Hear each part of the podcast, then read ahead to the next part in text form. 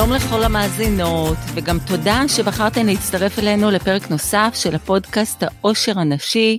היום לפנינו פרק מחדש ומעשיר בנושא היהדות הרפורמית בישראל, וגם הקשר המיוחד של נשים לזרם הזה. מאיה, מה שלומך? הכל מצוין, מה שלומך? אני בטוב, ואני יודעת שאני עומדת ליהנות מאוד מהרעיון שלנו היום, גם בגלל הנושא המסוים הזה, אבל בפרט בגלל האישיות הנהדרת, הקורנת, שאנחנו מראיינות היום. שלום לרבה גליה סדן. כאן בין חברות אפשר לקרוא לי גליה, זה גם בסדר. גליה, ברוכה הבאה, ותודה שהסכמת להתראיין, מה שלומך? אה, שלומי בסדר, תודה על כל המחמאות. אז זהו, אז אה, אם ככה, ככה על קצה המזלג מה שנקרא, כל כך הרבה שיש לאישה המופלאה הזו, אבל uh, בקצרה. גליה היא רבה בקהילת בית דניאל, מרכז של יהדות רפורמית בתל אביב, היא גם מנהלת את מרכז הגיור הרפורמי בתל אביב, מרכזת תחום בני ובנות מצווה, הוראת מקרא ותלמוד ועריכת טקסים. היא כיהנה כמנהלת מר"ם, מר"ם היא מועצת הרבנים המתקדמים והכוונה היא למועצת הרבנים הרפורמים. ועכשיו, באמת תעצרו לרגע ותקשיבו טוב טוב, אני הולכת להגיד לכם משהו מדהים. מתחילת 2019 היא משמשת כאם בית הדין הראשונה בתולדות מועצת הרבנים המתקדמים, פשוט אישה ומופת שיצרה תקדים. וואו אחד גדול. מצטרפת לוואו. חברות, אני מסמיקה, אני יושבת פה uh, במטבח שלי ומסמיקה. בהכי, בהכי הכי כן שאני יכולה להגיש לך את זה, גליה, את פשוט uh, מרתקת ואני באמת סקרנית לשמוע ממך ברמה האישית, כי ממה שאנחנו יודעות עלייך, נולדת בקיבוץ יחיעם, קיבוץ שהוא לא דתי, וגם אחר כך היית חניכה בשומר הצעיר, איך משם עד לרבה ועוד לתפקיד של אה, אם בית הדין. אנחנו חייבות לשמוע את הסיפור, ואיפה היה הטוויסט בעלילה? אז קודם כל אני רוצה להגיד שגם ההורים שלי ומשפחתי בכלל שואלים את עצמם, אבוי אבוי, איך זה קרה. אני, אני אומרת תמיד, אני נולדתי במשפחה אה, אתאיסטית, אה, ארגנטינאית, ואני אומרת שלא ברור מה, אה, מה היה השוק יותר גדול, זה שהפכתי לרבה או זה שנהייתי צמחונית במשפחה ארגנטינאית. לא, לא ברור איפה הם חשו שהבגידה בערכים היא יותר חמורה. אה, אבל היום אני חושבת שההורים שלי אה, זה מיוחד, כן? הם פוגשים חברים מלפני 20 שנה והם שואלים, אה, מה גליה עושה? אז הוא אומר, גליה היא רבה והיא אם בית הדין, ויש עליי דף בוויקיפדיה וכל מיני... כן? אה, התארחתי אצל נשיא, אצל נשיא המדינה כמה פעמים, כן, איזה כבוד. הבנתי שהרבה קיבוצניקס חזרו בתשובה. כן, אני חושבת שאם לחזור בתשובה, מבחינתי שום אופציה שהיא איננה אופציה שוויונית ואופציה שמעניקה לי אוטונומיה בכל הנוגע לאיך אני מנהלת את חיי ומה מתוך הסופרמרקט המופלא שקוראים לו המסורת היהודית, התרבות היהודית, אני בוחרת להכניס לסל שלי, אה, אני לא חושבת שבשום מקום שלא היה, שלא מאפשר את זה הייתי יכולה למצוא, אה, למצוא לעצמי מקום ולחוש בנוח ולהתפתח אה, כמו שהתפתחתי ובכלל לרצות לפתוח את הדלת או אפילו את החלון ולהציץ פנימה, זה באמת היה מסע, אני חושבת שמה שאופייני לקיבוצים, כמובן גם להרבה משפחות בעיר, אבל בקיבוצים זה היה ביתר שאת, זה שהתרבות העברית הייתה מאוד מאוד נוכחת. יום שישי בערב, אמנם לא קראו לו ערב שבת, אבל יום שישי בערב היה יום שישי בערב עם הדלקת נרות, לא ברכות, אלא שיר של לאה גולדברג אולי, אה, אבל היו מפות לבנות, והייתה ארוחה חגיגית, והיה טקס, אה, והיו אה, חולצות לבנות, וחג היה חג, אז לא קראו לזה תיקון ליל שבועות, קראו לזה חג הביקורים, והבאנו את כל התוצרת החקלאית. ותחושת קהילתיות. ותחושת קהילתיות מאוד חזקה. אה, כן, גורדון קרא לזה, א' ד' גורדון קרא לזה דת העבודה. אז אני לא חושבת שגדלתי בתקופה, כן, בשנות ה... נולדתי ב-67, בשנות ה-70, בשנות ה-80, באיזו תחושה של דתיות, אבל כן בתחושה של ערכיות ושל חיבור מאוד מאוד גדול לתוך התרבות העברית. אה, אלוהים באמת לא היה שם, עד כדי כך שאני זוכרת ויכוח, אה, יש לי אה, שני אחים ואחות, וכשאחי, אני מספר אחד, מספר שתיים הגיע לגיל 13, שכן שלנו, ידיד של הוריי, אמר, הילד הגיע לגיל 13, הוא צריך לעלות לתורה בכותל. הוא היה גם חבר קיבוץ, אבל יותר מסורתי מאיתנו כנראה. כן, כי מה שידוע לי בקיבוצים זה מפקד אש, נכון? כן, יש, אה, אה, יש הצגה גדולה שעבדנו עליה כל השנה וככה, בדיוק, אבל אה, כן. כמובן הוא לא אמר שום דבר כשאני הגעתי לגיל 12, אבל אחי הגיע לגיל 13, ואני זוכרת את עצמי בגיל 16, עומדת ומתווכחת איתו ועם ההורים שלי בלהט גדול. שהוא לא צריך לעלות לתורה בכותל, שזה לא חלק מהחיים שלנו, שאנחנו לא דתיים, שזה בגידה בכל הערכים שלנו, ועכשיו אלוהים צוחק למעלה, כי אני אחראית על פרויקט של 230 בני ובנות מצווה, שעולים לתורה בבית דניאל כל שנה. ככה הדברים התהפכו להם, אז אני חושבת שכן גדלתי עם המון אהבה למסורת, לחגים, לטקסים, בכלל אני אדם שמאוד אוהב טקסים. נקודת המפנה הייתה בשנת השירות שעשיתי לפני הצבא, שהייתה במכון הציוני בסמינר אורנים, היום קוראים לזה המדרשה.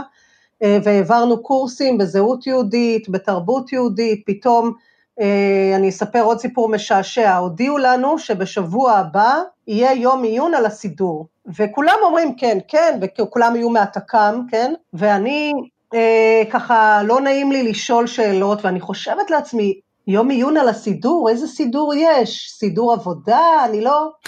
לא, לא, כאילו, לא, לא, לא, צריך לזה יום עיון שלם, וזה כל כך חזק, כי המילה סידור, לא הספר לראות, לדעת מה יש בו, המילה סידור, אה, בהקשר של סידור תפילה, הייתה מילה שפשוט לא הכרתי, אה, ולא ראיתי דף תלמוד מימיי, ולא ידעתי שכשמדליקים נרות שבת יש ברכה שאומרים כשמדליקים נרות שבת.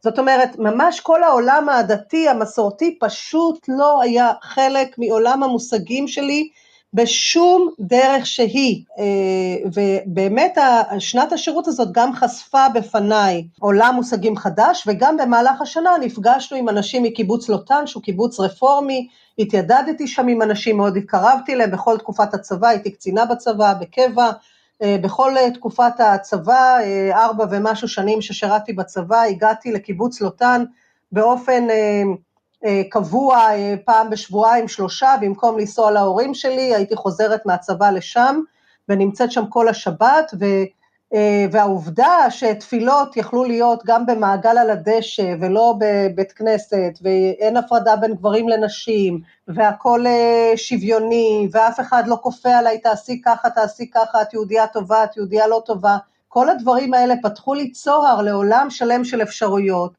וההתיידדות שלי עם אלוהים הייתה אה, תהליך. אה, אני חושבת שהוא חזר אחריי ואני אחריו אה, לאורך הרבה שנים, עד שהחלטתי להגדיר את עצמי כאדם דתי. גלי, אבל מה קורה בשלב הזה בבית, כשהם רואים שלמשל את החופשות שלך, את השישי שבת, את מעדיפה לבלות בקיבוץ לוטן מאשר להגיע הביתה, והם רואים בעצם את, ה, את התהליך שלך של קליטה לתוך חברה או לתוך זרמים שהם דתיים יותר.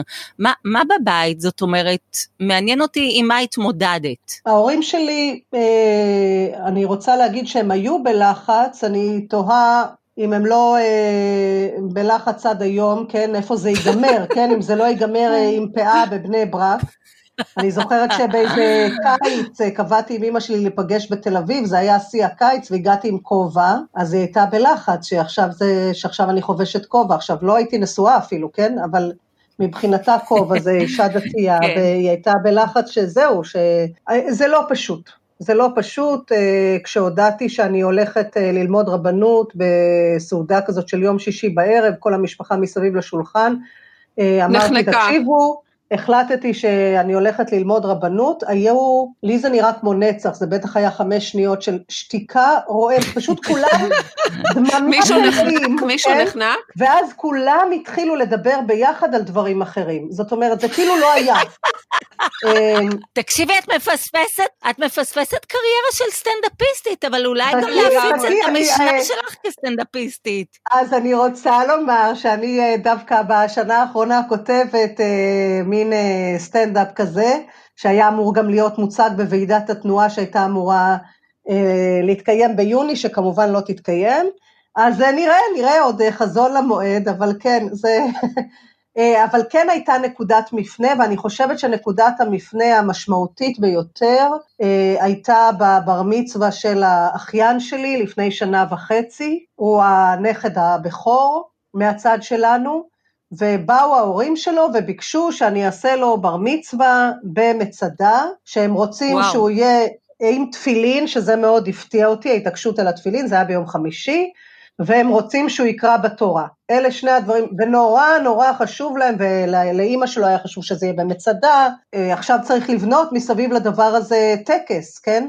עכשיו, ברור שבטקס הזה לא יהיה שמע ישראל, ולא יהיה תפילת אה, שמונה עשרה, תפילת עמידה, וכן, ההורים שלי אפילו קדיש לא, לא מוכנים לומר. אז בנינו טקס שבסוף היה 20 דקות, היה, היו כמה קטעי קריאה וכמה שירים, והוא קרא בתורה עם תפילין ונשא נאום, לימדתי אותו לקרוא בתורה ועבדתי איתו על הנאום שלו, וכל הטקס היה 20 דקות, והם התרגשו שתי המשפחות, שתיהן משפחות של קיבוצניקים מהשומר הצעיר, התרגשו עד עמקי נשמתן, מהטקס והמשמעות. אני כמובן הרגשתי אחר כך, מה, 20 דקות, כאילו לא הספקנו כלום, זה איזה מין טקס כזה, הוא רק מתחיל, הוא כבר נגמר, אבל בשבילם זה היה עולם ומלואו, ואני חושבת שזאת הייתה נקודת מפנה, כי פתאום הם ראו שאני יכולה להתאים את ה... נגיד את העולם שלי לעולם הערכים שלהם, ולא לכפות עליהם, אה, לא, לא לכפות עליהם איזה תפילה עכשיו כבדה של שעה וחצי, כמובן חצי שנה אחר כך הייתה בר מצווה של הבן שלי, אז הם שילמו בריבית דריבית, כי זה היה חתיכת תפילה וריקודים ו-250 איש, כן, כל הקהילה וכל הרבנים, אה, החברים שלי היו שם, אה, וזה היה בר מצווה כמובן מאוד, מאוד רפורמית, כן, אבל עם הרבה תפילה ועניינים. אבל אני חושבת שזה באמת שינה וגם השפיע על היחסים שלי איתם, כאילו נוצר איזשהו אמון שלא היה קיים 30 שנה, זה, זה, אני אומרת את זה ודמעות עולות בעיניי, כן? כן. 30 שנה המשפחה שלי ראתה בי סוג של בוגדת, של גיס חמישי, של מישהו שמאיים על הערכים שלהם, זה לא היה פשוט, יש אנטי גדול. דקות, ב... כן? בטקס של 20 דקות אה, משתנה עולם ומלואו, וזה היה, אני חושבת שזאת נקודת מפנה מאוד חזקה ומשמעותית. כן, גם אפשר להבין את כל הישראלים שהם חיים בניתוק גמור ובמיאוס גמור ממוסדות הדת, כי אנחנו נלחמים בצבא על מדינה יהודית. אה, ואנחנו אה, שולחים את הילדים של, הילדים שלנו חוזרים בסופי השבוע מהצבא, אבל מסכנים את החיים שלהם בנהיגה ברכב, הם מסכנים את החיים שלהם, אה, ואין להם תחבורה ציבורית כשהם רוצים לבלות בסופי השבוע. אנחנו סוחבים את כל החרדים על גבנו העייף, ברור שיש לנו ולהרבה נשים אחרות מיאוס גדול מכל מה שקשור בדת, אפשר להבין. כן, אפשר להבין, אני חושבת שמה ש... מה שמעציב זה שאנחנו מאוד מקובעים בעמדה שלנו, בדעה שלנו, בדימוי שיש לנו על עולם המסורת. אני חושבת נכון. שהתנועה הרפורמית בארצות הברית נראית כמו איזה משהו זר אה, ומוזר ולא קשור בכלום, והתנועה הרפורמית בארץ, שהיא הרבה יותר מסורתית דרך אגב מהתנועה הרפורמית בארצות הברית, פשוט לא מוכרת. כלומר, אנשים שבאים אליי, אני מגיירת, אה, בבית הדין שלנו מתגיירים 250 כן. איש בשנה, אה, מתוכם בערך 150 בבית דניאל.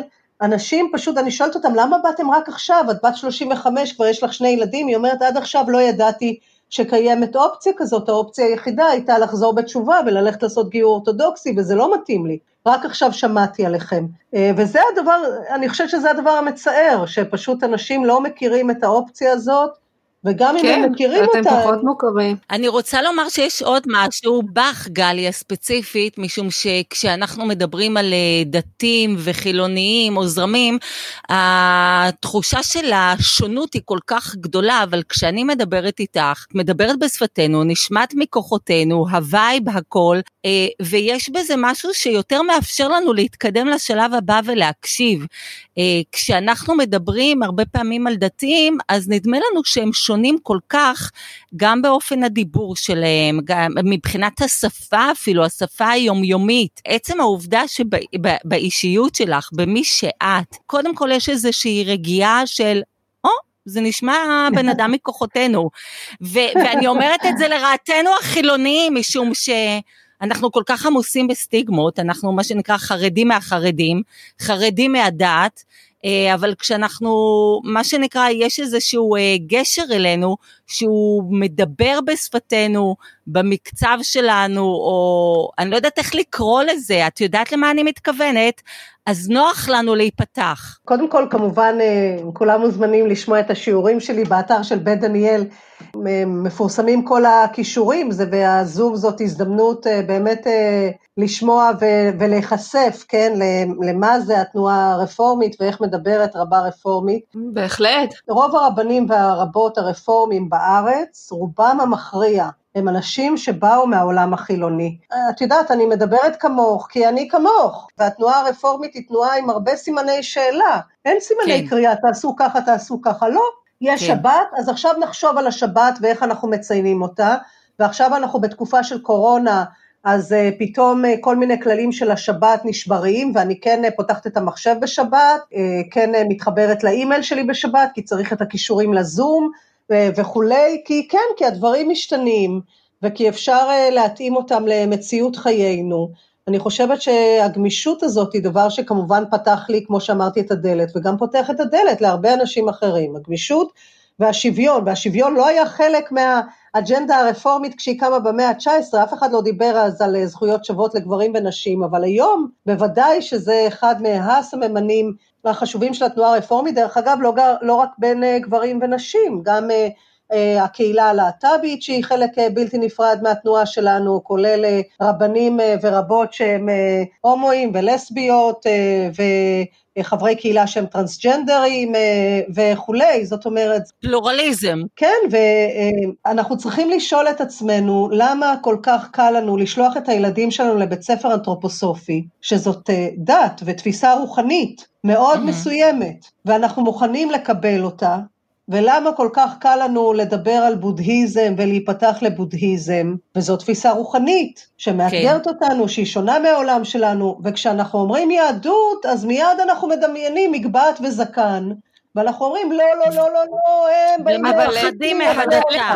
חלק מהעובדה שלמשל, אני נורא מתחברת לכל מה שאת אומרת, ומאוד uh, הייתי שמחה לדמיין את עצמי יושבת uh, בבית כנסת שוויוני לצד גברים, ושומעת uh, דרשה של רבה ועושה פעילויות קהילתיות. והייתי בכמה, די הרבה טקסים מקסימים של בר מצוות ובת מצוות של ילדים של חברים. אבל פעם זה היה ביפו, ופעם כמה פעמים בבית דניאל, ופעם ברעננה, פעם במודיעין, אבל מבחינתי עניין בית הכנסת שזה הקהילתיות שלו וזה העובדה שהוא קרוב לבית. האם אנחנו נזכה לראות אה, בתי כנסת שהם יהיו גם קרובים והם בעצם ישמשו כמרכז קהילתי ולא אצטרך אה, לקחת את הרכב ולנסוע 20 דקות אה, אם אני חפצה ב... זאת, זאת שאלה מאוד טובה, אני אה, תמיד אומרת לזכותה של התנועה הרפורמית שבמרחק 20 דקות או חצי שעה בכל מקום בארץ שבו את נמצאת, אולי חוץ מהערבה, את יכולה להגיע לקהילה רפורמית, אז מבחינתי 20 דקות זה כלום. אבל זה נכון, זה לא לצאת מהבית וללכת לבית הכנסת השכונתי, אני יכולה לומר שלמרות זאת תחושת הקהילתיות היא תחושה חזקה. קודם כל, השיעורים מגיעים הרבה פעמים אנשים כן מהשכונה. אה, ב', אני יכולה לומר שעכשיו בזום, כשאנשים מצטרפים אליי אה, מגרמניה ומקנדה, חברי קהילה, אה, ומהגליל, כן, אה, הגליל העליון, אה, הגליל התחתון, ואנחנו מאוד רחוקים פיזית, עוד יותר מאשר כרגיל, ובכל זאת יש תחושה של קהילתיות ומצטרפים בזום אנשים שלא היו מצטרפים קודם, האבסורד הוא שאנשים מתקשרים למשרד שלנו ובוחרים לשלם דמי חברות ולהצטרף כחברי קהילה עכשיו, בתקופה של הקורונה, כלומר, התחושה של הקהילתיות מבחינתם זה זה שרואים אותם, מדברים איתם, תומכים בהם, הם נכנסים לשיעורים ומכירים את ה... כן, כבר אה, יודעים לשאול אותם, אה, כן, מה שלומם ומי הם, וכבר יודעים עליהם קצת פרטים. זאת אומרת, תחושה של קהילתיות היא עניין סובייקטיבי, והיא לאו דווקא קשורה לשכנים שלי. אה, אולי דווקא מהבחינה הזאת לקורונה גם השפעות חיוביות, כיוון שהמגבלות התעבורתיות שיוצרת גורמות לנו לגלות מחדש אה, דברים בסיסיים, פשוטים, שעושים לנו טוב, נאמר אה, ללכת באיטיות ברחוב, שהשמש מחממת אותנו, וריח העדרים של האביב ממלא את האוויר, אה, לגלות שכנים שלא הכרנו ולרוות נחת גם מחיוך במעלית במקום עוד איזה סרט בקולנוע וישיבה בבית קפה. אה, ואנחנו מגלות את הקסם של הערבות ההדדית, השייכות, הקהילה, עזרה לזולת וגם את האמונה, הרי להאמין לא עולה כסף, אבל התמורה מאוד גדולה. כשמוסיפים לזה את הצורך להיאחז בכוח גדול מאיתנו בעת מצוקה, איזה כוח עליון שאנחנו יכולות לפנות אליו ושממלא אותנו בתקווה, אני אישית דרך אגב חושבת שאישה מאמינה נעשית רגועה יותר ושמחה יותר. אני, אני ממש מסכימה. אז את כל הדברים האלה אנשים אה, ונשים אה, מגלות ואני גם בטוחה שיצטרפו אליכם עוד הרבה חברים לתנועה בקרוב. אה, אני ממש מסכימה, אני רק אומרת שהרב שעומד בראש בית דניאל, בראש מרכזי דניאל, הרב המייסד, הרב מאיר עזרי, אומר שאצלנו בכניסה אין דתומטר. מעולה, יפה מאוד. ולכן אנשים יכולים להצטרף אה, גם עכשיו וגם בכלל לתפילות ולשיעורים בלי אה, השאלה האם הם דתיים או לא וכמה הם דתיים והאם הם מאמינים באלוהים או לא. אני חושבת שבטח טקסי מעגל החיים, אבל גם חגים וגם תפילות קבלת שבת הם עניין תרבותי בשביל הרבה מאוד אנשים, הרבה יותר מאשר עניין דתי. זה לא עניין של אמונה, הבנתי שיש מחקרים שמצביעים על כך שאנשים בעלי רמה גבוהה של אמונה ורוחניות נוטים לסבול פחות ממחלות, מדיכאון ומחרדה, וכמובן האושר והאופטימיות אה, גם אה, מועילים למערכת החיסונית. אה, אמן, כן יהי רצון. את יודעת, גליה, זה נשמע לי, זה נשמע לי שבתוכך את אולי איזושהי מפיקת אירועים שהם מיוחדים ובעלי תוכן, את אוהבת את הפן הזה של הטקסים, את יודעת כל פעם לשנות אותו בהתאם לדרישה הספציפית של האירוע. הטקסים גם מייצרים איזושהי תחושה של, אני אקרא לזה ביחדנס, כולנו עושים איזשהו משהו ואנחנו רובים מזה איזשהו כוח ונחת. יש משהו באיזה, בידיעה שכולנו כרגע עסוקים במשהו חיצוני, אנחנו רובים מזה נחת נוסף, סתם עף לי לראש איזה משהו אחר לגמרי. כשאוהדים בכדורגל אה, עומדים ועושים את המקסיקן וייב ביחד, אף אחד לא אמר לשני שום דבר, אף אחד לא החמיא לשכנו, ועדיין כולם בתחושת נחת כל כך גדולה, שהיה איזה תיאום משותף לכולם.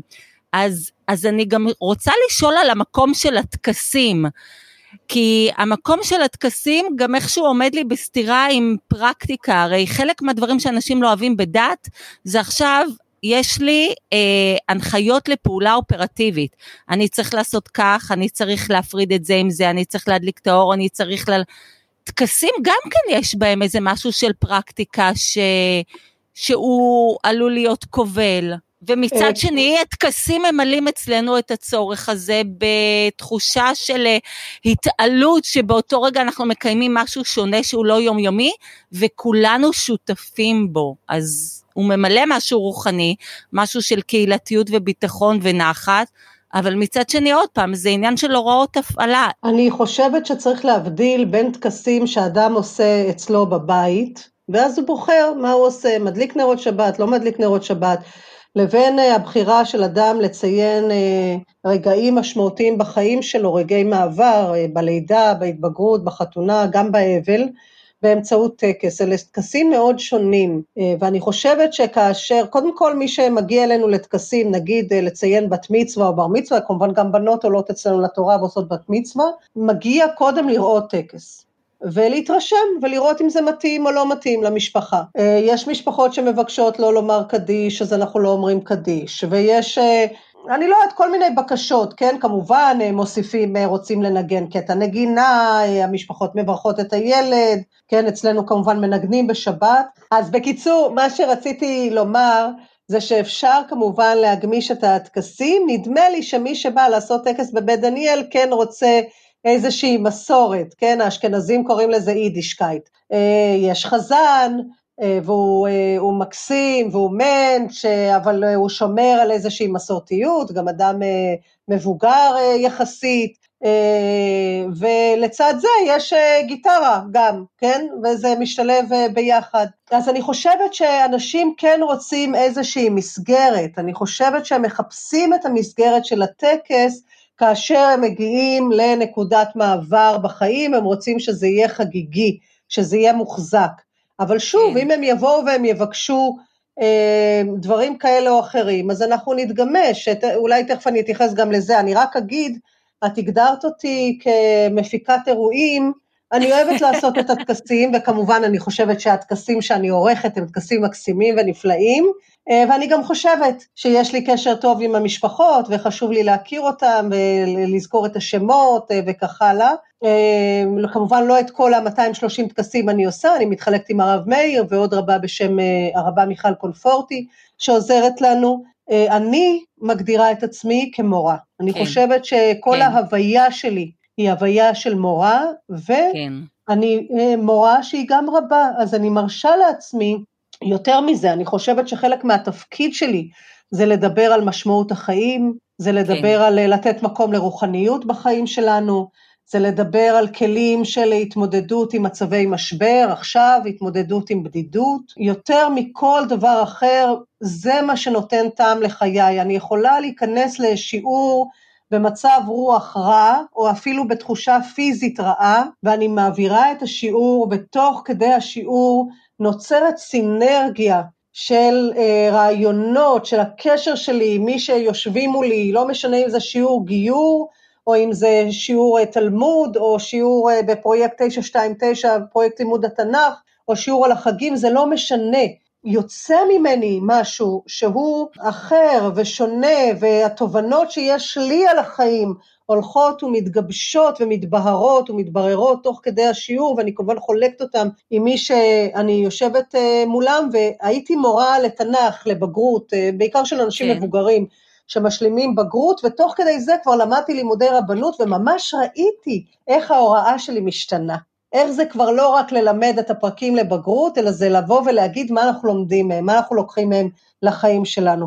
אם אני יכולה, אני, אני אוסיף עוד דבר אחד על הטקסים. אני רק רוצה לציין שזה היה ב, כדרך אה, הומור להגיד את זה, מפיקת אירועים. כן, כן, וזה בסדר גמור, אני מאוד אוהבת לערוך את הטקסים, וזה די אה, מוזר שאני עושה אה, 70, 80, אה, טקסים בשנה, לפני ב-2019 מכל מיני סיבות עשיתי 100 טקסים בשנה, מתוך 230 אה, בר מצוות, ועדיין כל משפחה זה משהו אחר, וכל טקס הוא ריסטארט אה, אה, מחדש והתרגשות מחדש, והוא מצריך ריכוז, כן, לפעמים אנשים אומרים לי, מה אכפת לך שהצלם יסתובב בכל מקום, שיעלה על הבמה, שיצלם את הקהל, ואנחנו לא מרשים, לצלמים יש נקודה מסוימת שממנה הם יכולים לצלם, ואנשים לא מבינים מה הבעיה, והם לא מבינים שכל טקס מצריך את הריכוז שלו, והדבר האחרון שהם רוצים זה שאני אקרא לילד שלהם בשם של הילד שעלה לתורה לפני שעתיים.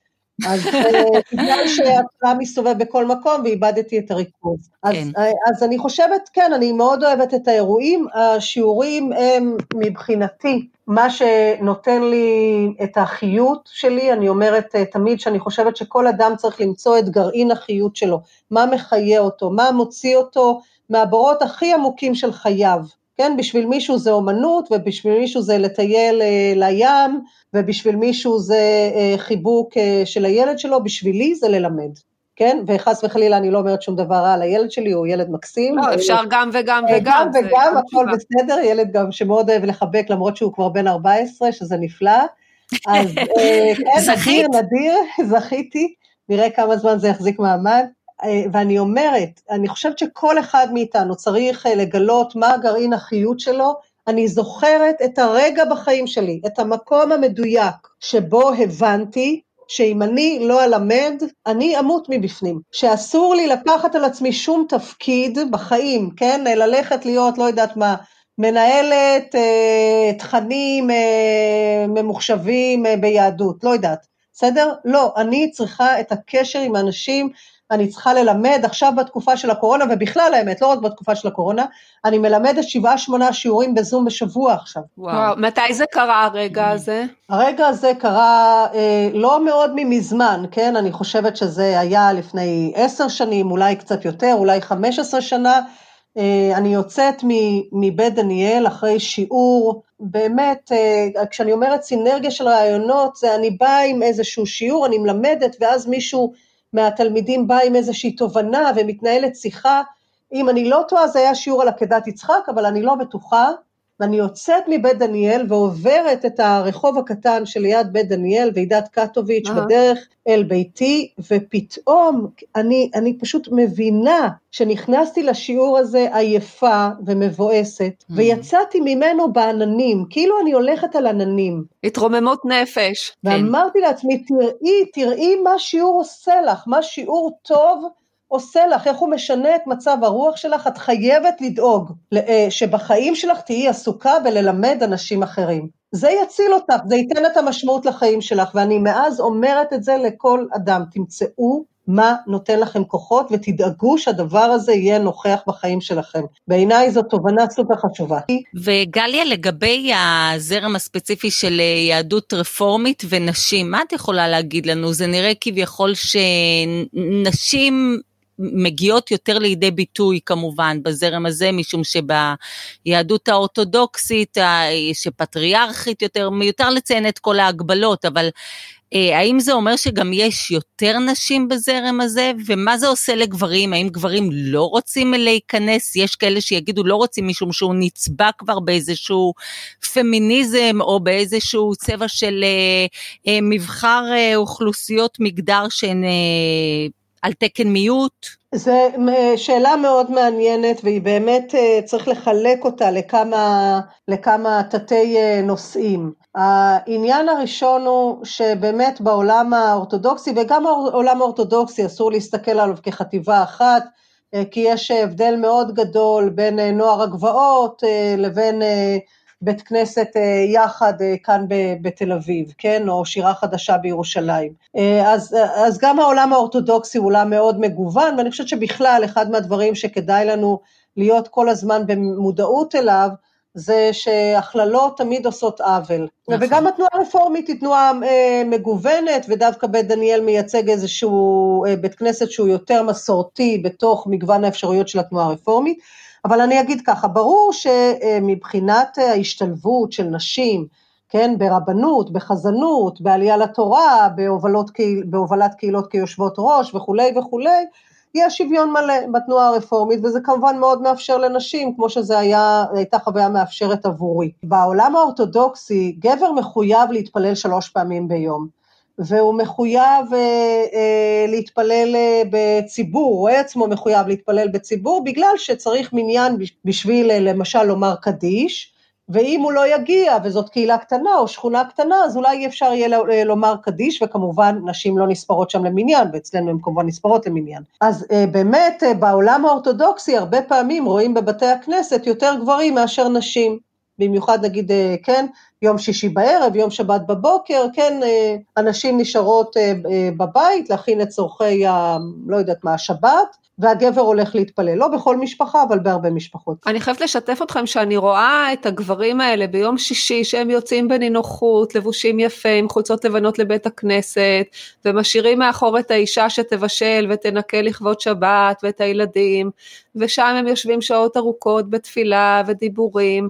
ואני אומרת בלב שלי זה לא תקין, אמנם לי אין קשר אישי לזה וזה עדיין התופעה הזאת היא מכעיסה ומקוממת אותי ממש. את יודעת, בחברה שלנו האתגר הוא, אה, כן, בהרבה בתים עדיין קיים האתגר לגייס את אה, השותפים שלנו אה, לבשל ולנקות ולהכין את הבית, כן, הם פשוט לא הולכים לבית כנסת אלא למקום אחר, אבל כן, לשחק את זה עם החבר'ה ביום שישי אחר הצהריים, כן? נכון. אז אני אומרת, אתגרים ועניינים של שוויון בין גברים לנשים וחלוקת המטלות קיימים גם בחברה החילונית, אבל בסדר, נניח לעניין הזה. העניין השני הוא שבאמת בתנועה הרפורמית וגם הקונסרבטיבית באופן די מוזר, יש באמת הרבה נשים שמגיעות בלי בני הזוג שלהם. יותר נשים מגיעות בלי הבני זוג שלהם מאשר גברים שמגיעים בלי הבת זוג שלהם. אולי בגלל שנשים באופן כללי אולי מחפשות יותר רוחניות, וברגע שיש מקום שוויוני הם יגיעו אליו,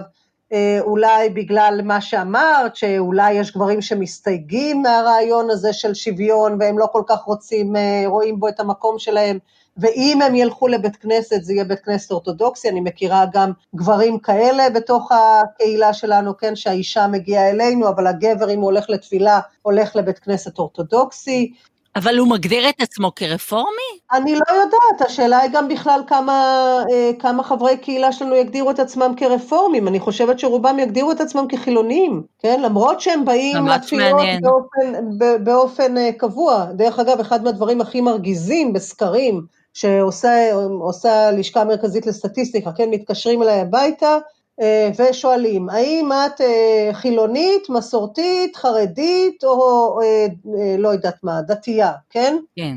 אני אומרת, אני לא ולא ולא ולא, כי אם אני אגיד שאני דתייה, אתם תכללו אותי באורתודוקסיה, אני לא אורתודוקסית, אני רפורמית. Mm-hmm. אין אופציה כזאת בכלל. אני כבר לא בעולם הזה היום, אבל אני זוכרת לפני 10-15 שנה, כן, בעולם הדייטי, כן, שצריך לפתוח כרטיס J-Date, בסדר? אז ב-J-Date, בגלל שזה פלטפורמה אמריקאית, אז מופיע אה, רפורמי, קונסרבטיבי, אה, אורתודוקסי וככה, בפלטפורמות ישראליות יש דתי וחילוני, זה מה שיש. Mm, אז כן, אני חושבת מאוד, שחלק מהעניין זה גם, אה, זה גם לשנות, כן, לשנות את התפיסה ולהבין שיש כל מיני זרמים. אה, וגם בתוך הזרמים אה, הרבה אנשים, אה, גם אנשים שהולכים לבית כנסת אורתודוקסי, אם יתקשרו אליהם הם יגידו שהם דתיים, אולי שהם מסורתיים, ולאו דווקא יגדירו את עצמם כאורתודוקסים. כלומר, הבחירה של אנשים לבוא בשערי בית כנסת כזה או אחר לא בהכרח מגדירה אותם, אה, או, או הם מגדירים את עצמם כאורתודוקסים או כרפורמים או כקונסרבטיביים. לא, זה קשור גם לסביבה המיידית שבה הם חיים, הוא הולך עם החבר'ה, עם השכנים שלו לבית כנסת, כי זה נוח לו, כי זה, אף על פי אם זה אורתודוקסי או לא אורתודוקסי, הוא בכלל לא מתעסק בשאלה הזאת, גבר שהולך אה, עם החברים שלו לבית כנסת, וגם נשים. יש בית כנסת, הם מעד... היו מעדיפות לשבת עם הגברים, אבל זה מה שיש, אז בזה הן משתמשות. אה, בהחלט כן, יש אה, מעורבות יותר גדולה של נשים, אבל אמרתם אה, קודם, שאלתם אותי על השאלה של בקשות של משפחות, של בני ובנות מצווה, עד כמה נתגמש. ויש עד היום, עד עכשיו, הרבה מאוד משפחות, זה הולך ופוחת, אבל יש הרבה משפחות שאומרות, כן, אנחנו רוצות מקום שוויוני, אבל שרב ינחה את הטקס. זה לא כן. אנחנו, כן. זה הסבא, זה הפה, את צריכה כן. להבין. הסבא תמיד צריך להתחשב ברגשות שלו, אבל בנו הנשים אף פעם לא מתחשבים ברגשות. אז, אז אה, לפעמים אני מנהלת באמת את השיחה הזאת, ואנחנו, כן, אנחנו מתחשבים בזה, אנחנו לא אומרים להם, לא, אם אתם דורשים שזה יהיה רב, אז uh, אנחנו לא הכבוד. מקבלים את הדרישה הזאת פה, לכו תחפשו את החברים שלכם. אז אנחנו הכבוד. כן uh, מתחשבים, אבל אני רוצה לומר שאני הוסמכתי לרבנות ב-2003, ואני uh, עבדתי כרבה או כסטודנטית לרבנות עוד ארבע שנים קודם לכן, זאת אומרת, אני כבר עשרים שנה בשטח, ועד היום, צריך לומר, אבל עד היום אני נעלבת. אני יכולה להבין אותך. שמבקשת שרב ינחה את הטקס ולא רבה. כאילו, אני תוהה אם היינו, אם באיזושהי סיטואציה אחרת, אם היינו מגיעים לבית חולים, אנשים חילוניים, האם היינו מעלים בדעתנו לבקש שרופא יבדוק אותנו אבסורד. ולא רופאה? ממש. אה, רציתי לדבר קצת על אה, מוסד אחד במדינת ישראל, אולי שמעתן עליו, זה מוסד ממלכתי רשמי, יש לו סמכויות בחוק, נשים לא יכולות להיכנס אליו, קוראים למוסד הזה הרבנות הראשית. הרבנות הראשית היא מוסד אה, ממש מצוין, בעיקר לחרדים, יש להם שם הרבה פריבילגיות, הם לא שולחים את הילדים שלהם לצבא, הם מחליטים בשבילנו איך להתחתן, איך להתגרש, הם מקבלים משכורת אה, גדולה על טקסים משפילים, וזה גם מועדון גברי אקסקלוסיבי עם המון כסף, אני לא יודעת אם הם מעשנים סיגרים, אבל אה, תחשבו על ה bonding הגברי, אז לא חבל לחסל את כל הטוב הזה? כן, ממש חבל, אה, כואב הלב. יש פה בעיה של החוק. קודם כל, הרבנות הראשית הייתה מוסד של כיפות סרוגות, צריך לזכור, של המזרחי. הרב קוק... באמת? בוודאי, בוודאי. הרבנות הראשית קמה עם רבנים אה, יחסית אה, ליברליים מתוך הציונות הדתית, אה, לא מתוך העולם החרדי המתנכר למדינת ישראל, ברוח הרב קוק. והרעיון היה שאנחנו לוקחים את החוק, אה, מערכת החוקים הבריטית והעות'מאנית, שקובעת שלכל עדה בישראל יש אה, מוסד שמייצג אותה מבחינת אה, דיני אישות. אז לדרוזים יש את המוסד הזה, ולמוסלמים יש את המוסד הזה, ולכנסייה הקתולית את המוסד הזה, וליהודים יש מוסד שקוראים לו הרבנות הראשית. והדבר הזה הוגדר בחוק, וזאת הייתה כמובן בכייה לדורות, מה גם שהרבנות הלכה והתחרדה יותר ויותר ויותר, כן. לצערנו הרב. וגם זה פתח לשחיתות ולניכור רחב של הציבור. בוודאי, אה, גם צריך לדעת היום שבתוך האורתודוקסיה המודרנית, בתוך חובשי הכיפות הסרוגות, יש גופים שנלחמים ברבנות בכל כוחם, אה, כמו נאמני תורה ועבודה ואחרים, אפילו מדברים על אה, הקמת אה, מוסדות אה, לנישואים מחוץ לרבנות, בלי רישיון של הרבנות, ומוסדות גיור אה, מחוץ לרבנות, יש היום גם לאורתודוקסיה המודרנית, כלומר גם בתוך הציבור האורתודוקסי יש התנגדות עמוקה לרבנות, וחבל מאוד שהמעמד של הרבנות מעוגן בחוק, כי מאוד קשה עם הלחצים הקואליציוניים, כמו שכולנו יודעים ממש בימים אלה, אנחנו חווים את זה, מאוד קשה עם הלחצים הקואליציוניים לבטל את המוסד הזה, אבל מה אנחנו יכולים לעשות? אנחנו יכולים לא, לא, לא להשתמש בו. לגמרי, לעקוף את... אנחנו יכולים פשוט לא להשתמש בו, לא להתחתן דרך בדיוק, הרבנות. בדיוק. לא להתחתן דרך הרבנות, ואם אנחנו לא רשומים כנשואים אה, מתוקף נישואים אזרחיים בחוץ לארץ, גם לא נעבור דרכם בגירושין. לא לפנות אליהם בענייני uh, קבורה. למעשה אלה הדברים שנשארו עוד בסמכות שלהם, שבאמת קשורים לדיני אישות וקבורה, אבל ברוב הדברים האחרים, החלופות שיש הן חלופות שפותרות uh, כל דילמה אחרת. נכון, אבל אני אומרת, כל עוד נלך לבקש את האוטוריטה שלהם בענייני קבורה ובענייני נישואים, אנחנו קובעים את עצמנו חלופות, בצד הזה. נכון? כן, יש לנו חלופות. הברירה היא בידינו. זאת אומרת שאם בשטח פחות ופחות יזקקו לשירותים שלהם, משום שכבר קיימות החלופות האלה, כמו הגיור הרפורמי, כמו הנישואים האזרחיים, כמו קבורה בבתי עלמין חילוניים, אז אה, יכול להיות שאומנם הדבר הזה יישאר אה, אות אה, חקוקה, אבל אות מתה, ש... כי בפועל אנשים יצביעו ברגליים. אני ממש מסכימה איתך, טלי, וכדאי גם להגיד שהגיור הרפורמי מוכר לצורך רישום במשרד הפנים משנת 2002. כן. זה כן. לא גיור שנעשה ככה במחשכים, כן? כולם אה, נרשמים כיהודים לכל דבר ועניין במדינת ישראל. אז נכון שהרבנות לא תכיר בהם ולא תחתן אותם, אבל הם לא... אבל הם ילכו ויתחתנו באזרחים.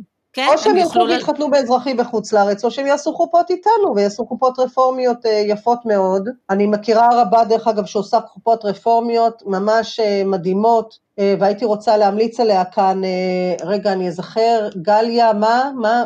סדן, גליה סדן. עושה חופות, חבל על הזמן, מאוד מומלץ, חלופה לרבנות. אמ, הטקסים האלה אסורים לפי חוק? אסור לעשות אותם? זאת אומרת, זה מה שנקרא קידושים פרטיים, זו עבירה פלילית. נכון. עכשיו, קודם כל, זה ממש נכון, זאת אכן עבירה פלילית, בסדר? אוקיי, אבל כן. יש חוקים לא מעטים בחוק, בחוק הישראלי, אני לא משפטנית, אבל יש חוקים לא מעטים בחוק הישראלי, שקיימים שם, אבל הם לא נאכפים, כלומר המדינה בוחרת לא לאכוף אותם. אה, ואנחנו למשל, כולנו מבינים רגע, את הטעם שבזה. רגע, עכשיו, למה המדינה לא אכפה את, ה, לא אכפה את החוקים אה, האלה? מפני שבקיבוצים היו עושים חתונות פרטיות, אה, בלי נישואים אה, ברבנות, כבר מהקמת המושבות והמושבים הקיבוצים הראשונים. וגם הלוויות שלהם זה בארון קבורה ומנגינה. סלבס מקיימים חתונות כל הזמן, כן? כן. יאיר לפיד, ואברי גלעד ואסתי זקהיים וכולי וכולי וכולי, מנהלים אה, אה, טקסים כל הזמן, אוקיי? כן. זאת אומרת, אנחנו התייעצנו באמת עם אה, משפטנית שלנו לפני שנים, ועלה גם, עלתה גם הסוגיה הזאת, שהדבר הזה הוא בעצם עבירה על החוק. ואנחנו באים ואומרים, את החוק הזה צריך לשנות, והוא מסונדל בגלל הסכמים קואליציוניים, ולא יכול להיות שהמדינה הזאת תכפה עלינו להתחתן בדרכים שאינן מתיישבות עם אורח החיים שלנו, זה הרי לא הגיוני שזוג מגיע לרבנות ואומרים להם מראש, החבר'ה, כן, מייעצים להם מראש, אל תגידו שאתם חיים ביחד, כי אם כן. תגידו שאתם חיים ביחד, אתם תסתבכו עם הרבנות. ותשקרי לגבי היום של המחזור שלך, ככה שהוא יסתדר עם התאריך שכבר קבעת מראש לחתונה. כאילו זה, זה לא, לא יכול להיות שרגע כל כך משמעותי בחיים שלנו יהיה כל כך לא מחובר להוויית אה, חיינו. וכל כך אה, שזור בשקרים ובתחושה של אה, רמאות, למה? נכון. החוק הזה, צריך לשנות אותו, וחבל שאי אפשר לשנות אותו בגלל שיקולים כן. פוליטיים. כל ההתנהלות, הגזענות, כל הנפוטיזם, כל השחיתות, כל המיליארדים של השקלים שהולכים לתעשיית הכשרות הלא כשרה אה, מבחינה ערכית, בוא נאמר, אה, זה רק יוצר ריחוק וניכוק. חשוב, חשוב להגיד משהו על הרבנות הראשית, בסדר? יש לרבנות הראשית זכות קיום. יש אנשים אורתודוקסים שרואים ברבנות הראשית כתובת, הם רוצים להתחתן דרך הרבנות הראשית, הם רוצים להתגרש דרך הרבנות הראשית, מבחינתם היא כתובת, וזה בסדר גמור. הבעיה היא לא בעצם קיום הרבנות הראשית, הבעיה בכפייה. היא בכך שיש לה מונופול על אה, ענייני הגירושים והנישואים, לא רק של הציבור שרוצה את השירותים שלה, אלא על ציבור אחר שחש שאין לו ברירה. זאת הנקודה. והבעיה היא בכך שהמדינה מממנת את המוסד הזה. בסדר? צריכה להיות פה הפרדת דת ומדינה, אה, כאשר כל אה, גוף דתי במדינה מקבל את האוטונומיה ואת הלגיטימציה לקיים טקסי נישואים וטקסי קבורה, והמדינה מממנת, כן, אה, הרי המדינה נותנת אה, מענקים, למשל בענייני קבורה, והיא נותנת את המענקים האלה לגוף שמקיים את הקבורה, בלי קשר לשאלה אם זה חברה קדישא או לא חברה קדישא, כלומר, כן. אין בעיה בקיומם של גופים אורתודוקסיים, כמו מנגנון הכשרות והחברה קדישא והרבנות, הבעיה היא כאשר הדברים האלה ממומנים על ידי המדינה, ויש להם מונופול, שם נוצרת הבעיה. אני לא מתנגדת לזה שלאדם האורתודוקסי תהיה כתובת שמתאימה לו, ואני טוענת שכולם צריכים לבוא אליי להתחתן. לא, אני יודעת שיש אנשים שלא מתאים להם שאני אחתן אותם, וזה בסדר גמור. בסדר, העניין הוא שצריך אה, לפרוס פשוט מגוון של אפשרויות, לגיטימיות וחוקיות. צריך לומר שיש בעיה אחרת, לא לעניין הטקס, הבעיה של ההשלכות של זה לאחר מכן, זוג כזה ייחשב זוג נשוי, ואז כשהם מגיעים לבית הדין כדי uh, לבקש את הגירושין, ימנעו מהאישה כמעט באופן uh, מעניש למען יראו וייראו את המזונות. יש סיכוי טוב שזה יקרה, וזאת בעיה הרבה יותר גדולה. ולכן, אני אומרת, לכן היום אנחנו ממליצים לזוגות שלנו לא להתחתן בחוץ לארץ, כי אם את מתחתנת בחוץ לארץ, ואת, אה, ומדובר בזוג של יהודים שהרבנות מכירה ביהדותם, והם נרשמו כזוג נשוי בחוץ לארץ, אז הם יהיו חייבים לעבור דרך הרבנות כדי לעשות גט, אנחנו ממליצים להם לא להתחתן בנישואים אזרחיים, ובמקום זה לעשות הסכם ממון, הסכם נישואים, ויש לנו עורכי דין שמטפלים בזה במחיר אה, נמוך, כדי שזה יהיה נגיש לכל אה, כיס ולכל אדם. ואז אם הם מתגרשים, הם באים אלינו ואנחנו עושים טקס פרידה, מכבד, שוויוני, אנחנו לא מתעסקים בענייני רכוש אה, או משמורת, את זה עושה בית משפט לענייני משפחה. ואנחנו מטפלים רק בטקס הדתי, אני חושבת שזה שהרבנות מטפלת, דרך אגב, לא רק בטקס הדתי, אלא שניתנה לה הסמכות לטפל בענייני משמורת ורכוש, זה שערורייה. שערורייה.